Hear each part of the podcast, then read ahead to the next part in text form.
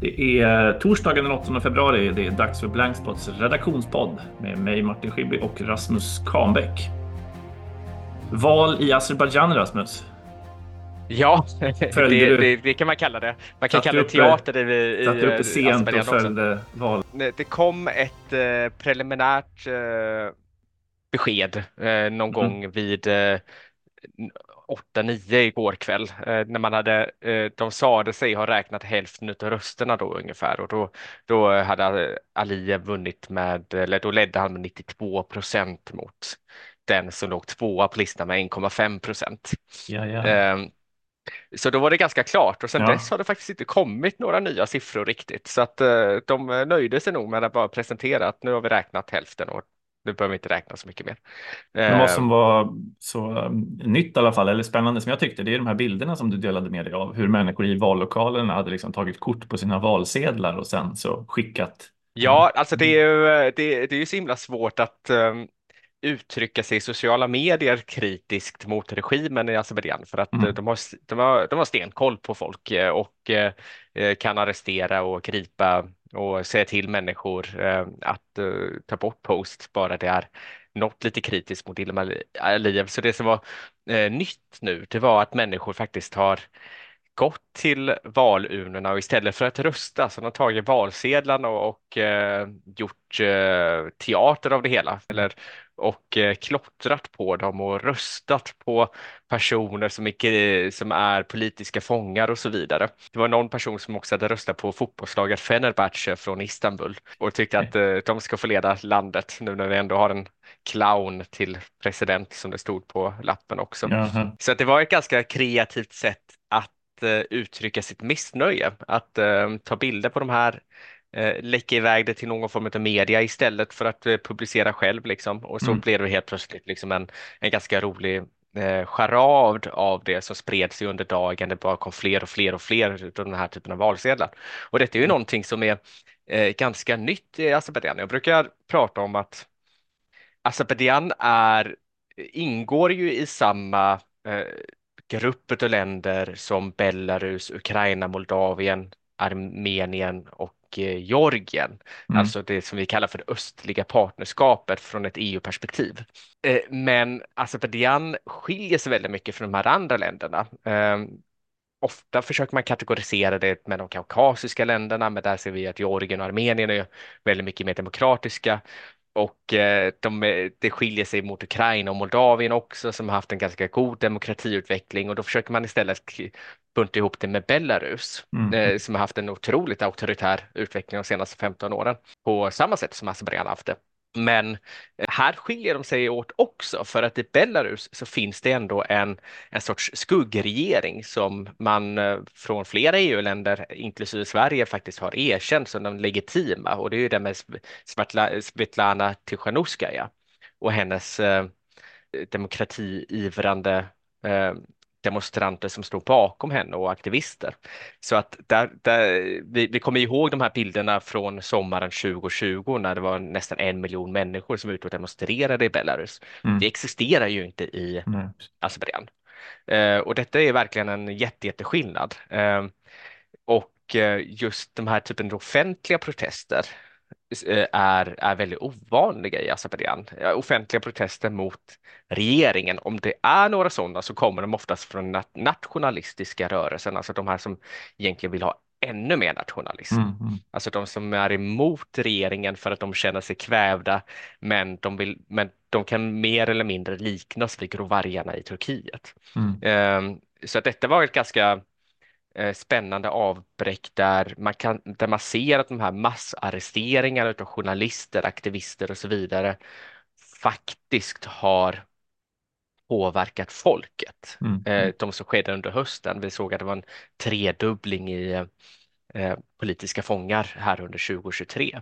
Så att det, det, är någonting som bubblar lite i landet mm. och de här valsedlarna, det var ett, det, det var ett ganska lustigt sätt att följa själva valet på också. Skrivit en, en eh, text om de här valfuskprotester och hyllningar. Eh, där intervjuade ju också en eh, azerbajdzjansk aktivist som har agerat som, eller han registrerade sig som valobservatör helt enkelt. Mm. Vad, vad hade han att, att berätta? Ja, Samed han för det första är det så att som valobservatör kan man, det, det kan man registrera sig ganska lätt som i Azerbajdzjan. Det är faktiskt en av Mm. de få utav de här demokratiska rättigheterna som inte har ruckat på. Jag tror att det bara är för att liksom visa ja, att eh, se att man kan vara valobservatör. Mm. Mm. Eh, Men vad han berättade var att när han kom till de olika vallokalerna så fanns det redan en stor mängd valobservatörer. Mm. Eh, Och de här verkade till synes samverka med eh, de som var rösträknare. Så, att det, eh, så när han kom till en val, vallokal så berättade han att eh, han blev lite outsidern och de kom Mm. fram till honom och försökte mota bort honom och köra bort honom. Eh, och han var ändå kvar och eh, vid ett tillfälle, det står inte i artikeln, men han, eh, han sa också att han eh, var tvungen att springa ifrån en av vallokalerna för att, eh, för att polisen verkligen blev mer och mer aggressiv mot honom. Mm. Och eh, eh, så att, så att det finns ju verkligen, det är tydligt att eh, mycket av det här bara är en charad, liksom. Att, att man, de anstränger sig så himla mycket för den här charaden för det ska se ut som ett legitimt val. Eh, vad han också sa var att det var flera personer som man, som man såg från en vallokal hade gått till en annan vallokal Mm. eh, och sedan röstat i den vallokalen. Och Mm. Mm. inför själva valet eh, så har det ju florerat rätt, jättemånga berättelser i sociala medier om att, eh, om att personer har blivit, inte är med på eh, röstlängden eller att de att helt plötsligt så är det bort, bort fem stycken fler i hushållet än vad som egentligen bor i hu- hushållet som, som Mm. då ska rösta och så vidare. Och eh, det finns flera berättelser om personer som bara helt sonika blivit borttagna. Jag tänker på han Gobard Ibadoglu, det mest kända fallet Mm. av en politisk fånge i Azerbajdzjan. Han, hans dotter bor ju i Sverige och har intervjuat henne par gånger för Blankspot också, Charla Bayramova. Och hon, hon berättade att eh, hon inte ens var med på röstlängden, så hon kunde inte åka upp till ambassaden i Stockholm och, Mm, eh, och rösta överhuvudtaget. M- Men på de här valsedlarna då så är det många som Mm. har strukit över valsedlarna och skrivit Gobard Ibadoglu Mm. istället för att man vill rösta på honom. Ja, ja. Eh, och hur har omvärlden reagerat då hittills på det här valet? Eh, ja, det, den stora snackisen inför valet det var ju att, det att det- Europarådets parlamentariska församling eh, den 24 januari röstade om att frånta Azerbajdzjan sin eh, rösträtt eller närvarorätt för Mm, 2024 i, i den parlamentariska församlingen. Och detta var en eh, direkt följd av att de hade fått nek att de hade nekats eh, att åka som valobservatörer till Azerbajdzjan. Eh, och, eh, eh, och Azerbajdzjan gjorde det med, eh, med hänseende till att de tycker att det Europarådet för eller att den parlamentariska församlingen har tagit eh, anti-azerbajdzjanska beslut Mm, de, mm. det senaste året. Eh, så det var, där blev det en ganska stor diplomatisk kris där Azerbajdzjan faktiskt funderar på att lämna Europarådet över, överhuvudtaget Mm. som en reaktion mot det hela. Och det skulle ju också vara en ganska stor sak. Det skulle vara det första landet eh, i, eh, som faktiskt lämnar frivilligt i så Mm. fall, utav alla de 47 länderna som är med. Ryssland har ju blivit uteslutet sedan tidigare. Mm. Eh, och även Belarus, nej det vill jag inte hänga, hänga upp i granen på att jag vet det, men Ryssland har ju blivit uteslutet. Ehm, men eh, då har Azerbajdzjan spelat ut institutionerna mot varandra så att Organisationen för säkerhet och samarbete i Europa, OSSE, har fått eh, skicka eh, valobservatörer till Azerbajdzjan Mm. ehm, som en del av sitt, eh, sitt uppdrag, för de har inte alls varit lika kritiska eller öppet kritiska som eh, eh, den parlamentariska församlingen, Europarådets parlamentariska församling har varit.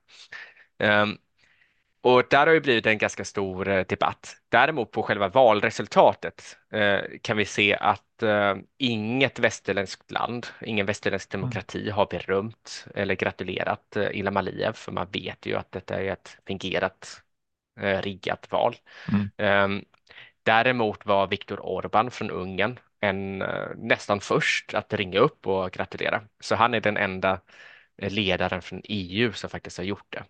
Eh, och det har då följts av Alexander Lukasjenko från eh, Belarus och Erdogan från Turkiet och eh, Iran, Kina, Tadzjikistan, Kazakstan, Uzbekistan och så vidare. Så att det, alla de här staterna som är auktoritära eller semi-auktoritära som står Aspedian nära har understrukit att de gratulerar honom. Man kan ju tänka sig att typ polska lag och rättvisa hade gjort det om de fått vara kvar vid makten, men, och det hade varit intressant, men det, det är ju bara spekulation. Mm, mm. Så att det är väl valet eh, just nu, så att det vi väntar på eh, det sista är Ilham Aliyevs segertal och eh, nu har jag faktiskt, det ska vi göra reklam för, jag har ju en ny WhatsApp-grupp, ja. precis som du har den i Lundin Oil. Ja, vi, man blir avundsjuk på din och att du kan skriva om allting. Jag kan bara skriva om om rättegången.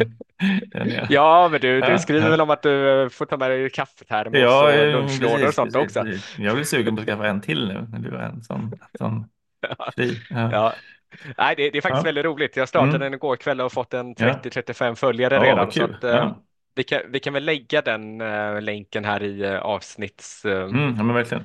Eh, eh, beskrivningen och i nyhetsbrevet så att ni kan följa Precis. den och gå in. Mm. Och det är ganska roligt eh, så att där, där kunde jag pre, pre ut mig lite här idag mm. och skriva om Ilham Aliyevs segertal, vad det kan innebära. Mm. Det vet mm. vi inte om det kommer innebära så mycket än. Men en sak som det kan innebära det är att han kanske blir tydligare i sin utrikespolitik och vart han står rent eh, utrikespolitiskt. För att en sak vi har mm. sett under hösten, speciellt efter Nagorno-Karabach, den etniska rensningen av Nagorno-Karabach, det mm. är eh, att han har varit väldigt otydlig åt eh, vilket land eh, eller vilken eh, eh, global makt som Azerbajdzjan ska eh, ty sig till. Mm, mm. Eh, och eh, det var lite provokationer mot Frankrike, Nederländerna, Fra eh, USA och så vidare och så vidare och man vet inte riktigt vart han står.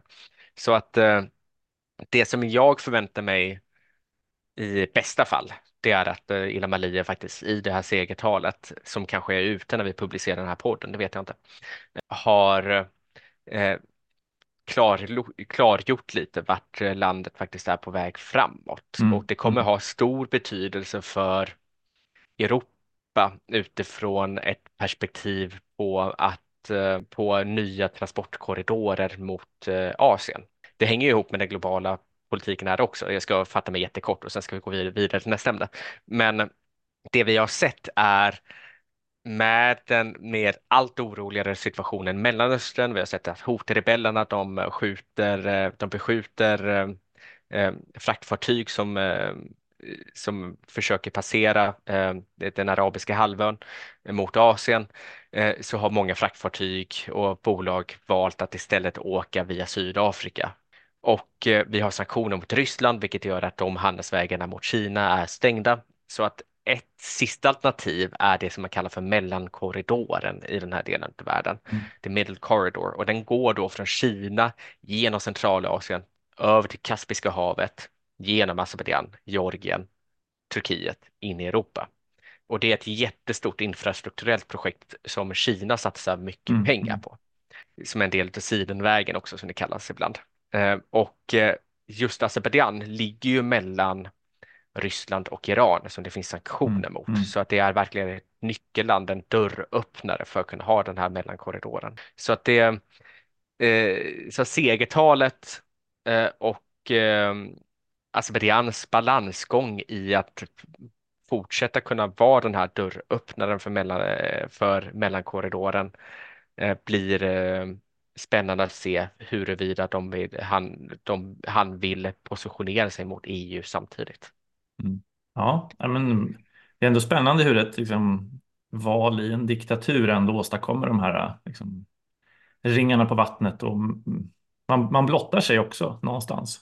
Eh, ja, det blir stora frågor ja, liksom. Ja, ja. Eh, allt, allt ställs äh, sin spets och just de här frågorna om demokrati och rättigheter hamnar ju någonstans i blixt, blixtbelysning. Mm.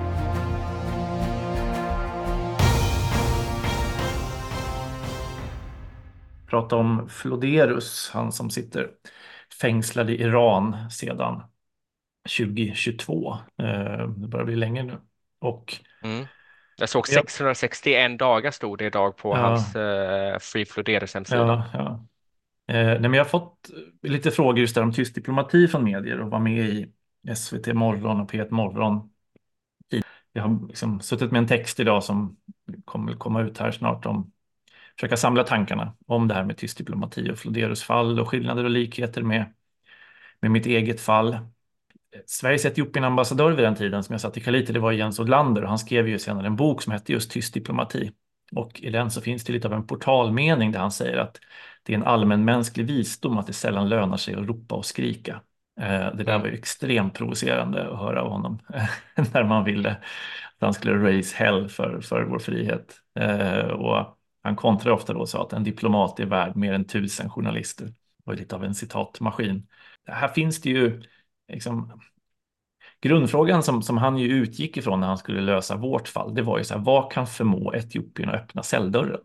Vilka argument funkar, leder åt rätt håll och vilka argument leder åt, åt fel håll? Eh, och att det i sin tur måste bygga på en liksom, förståelse av landet. Sen ska man väl säga att det gick ju vara diplomat i den kontexten också. Eh, han kunde träffa oss var sjunde, var fjortonde dag. Familjerna kunde resa ner. Etiopien ville spela boll. Iranfallet är ju helt annorlunda. Här dömer man ju eh, opposition och andra till, eh, till döden. Eh, det är ett betydligt mer stängt Ja, dörrarna är betydligt mer stängda. Eh, Sverige har inte ens, som jag förstått en ambassad på plats nu, utan det går genom EUs liksom, närvaro där man kräver tillträde. Och om vi träffade ambassadören var fjortonde dag så har ju Floderus sen då 2022 träffat svenska representanter kanske fem gånger totalt. Mm. Eh, ja, det är en helt annan, helt annan situation. Jag har också förstått att Floderus var ju någon som var liksom superintresserad av liksom den persiska kulturen, av landet, av språket. Att han någonstans var en inofficiell ambassadör för, för Iran, liksom i EU som han, som han jobbade inom och såg framför sig vikten av samarbetsprojekt och bistånd och att hitta liksom, eh, gemensamma kontaktytor mellan Europeiska unionen och Iran det, det, blir då så att säga, fel man att gripa någonstans eh, om man, om man mm. har intentionen att, att förbättra de, de relationerna. Sen det som väl finns att prata om som jag tänkte ta upp det är ju det här att just när det pågår en rättsprocess, han är ju fortfarande inte dömd ska sägas, åklagaren har yrkat på dödsstraff men han är inte dömd. Eh, i, då är det nästan bara att, att luta sig tillbaka och vänta utan rättsprocessen, för diplomaterna i alla fall. Självklart ska ju aktivister och människorättsorganisationer och familjen protestera och ta sig ton. Men just diplomatin har svårt att göra någonting i det här skedet annat än att försöka närvara och, och, och se vad som sägs. Men det anses liksom ofint att lägga sig i. Även om det är en diktaturskvarnar som mal så är det väljer man att inte just nu säga så mycket och det ser man ju på Billströms uttalande att han säger så ja, men just efter rättsprocessen kan vi kommentera det här och så. Så man väljer att vänta ut det. Det finns ju också så det har ju släppts ett antal personer som satt i Iran ganska nyligen. En belgisk medborgare som dömdes till 40 års fängelse. Eh, dömdes i januari 2023, släpptes i maj 2023. Eh, men han utvecklades ju då mot en iransk diplomat. Det fanns en annan irländare som också eh, släpptes fri. Dömdes till 6-7 års fängelse och släpptes efter ett antal hundra dagar. Så att det verkar finnas ett system där man dömer folk till livsförstörande straff och sen försöker använda dem som brickor i ett politiskt spel för att få ja, politiska fördelar helt enkelt. Och det är det som gör det här fallet så, så svårt också. Och det talas ju nu om att en idé att utväxla honom mot då Nori som dömdes till livstidsfängelse i Sverige för att ha, varit, ha spelat en roll i avrättningar på 70-80-talet i det här Evin-fängelset. Ja, det är också en lätt sak att säga men svårt att göra. Ehm, Sverige är ju en rättsstat. Ehm, politiker kan inte växla fångar hur som helst med, med andra länder utan att det finns avtal kring det. Jag tänker på nyheten i DN idag om att eh, nya myndigheter för en cybersäkerhet, de får inte ens bygga ett plank runt sitt hus för de får inte bygglov av kommunen för det. Demokrati har ju de här checks and balances någonstans som gör den typen av lösningar svåra. Så att jag tror att att Sverige gör allt för att inte behöva hamna i ett sådant läge utan hitta en lösning utan mm. det ska kräva ett fångutbyte. Jag har lite på den här principiella diskussionen mellan så här, principer, prejudikat och att rädda liv. Det är den man ställer upp nu. Så här, okej, vi kan rädda en människas liv, men då blir det ett prejudikat. Då kommer svenskar runt om i världen att fängslas av diktaturer och så kommer det utkrävas tjänster och vi kommer hamna i liksom en helt omöjlig situation där svenska medborgare inte kan resa. Men frågan är om den dikotomin är falsk, så att säga. Är den motsättningen verkligen så, så skarp. När, när det var en våg av kidnappningar av journalister i Syrien till exempel så betalades det lösensummor från familjer till IS och IS släppte fångar. Andra länder som USA vägrade betala och de journalisterna avrättades. Men det ledde ju inte till en våg av kidnappningar sen efter det. Alltså attack på grund av att de familjerna betalade. Det var inte så att det, var, att det blev så att säga, ett prejudikat där terrorgrupper verkligen kidnappade utländska reportrar för att någonstans ja, tjäna pengar. Alltså det, de här worst case scenarios eh, inträffade inte riktigt. Eller som man diskuterade med liksom, mitt och Johans fall, om vi söker nåd så kommer vi förstöra nådinstrumentet eftersom vi sen kommer skriva en bok och prata om det här.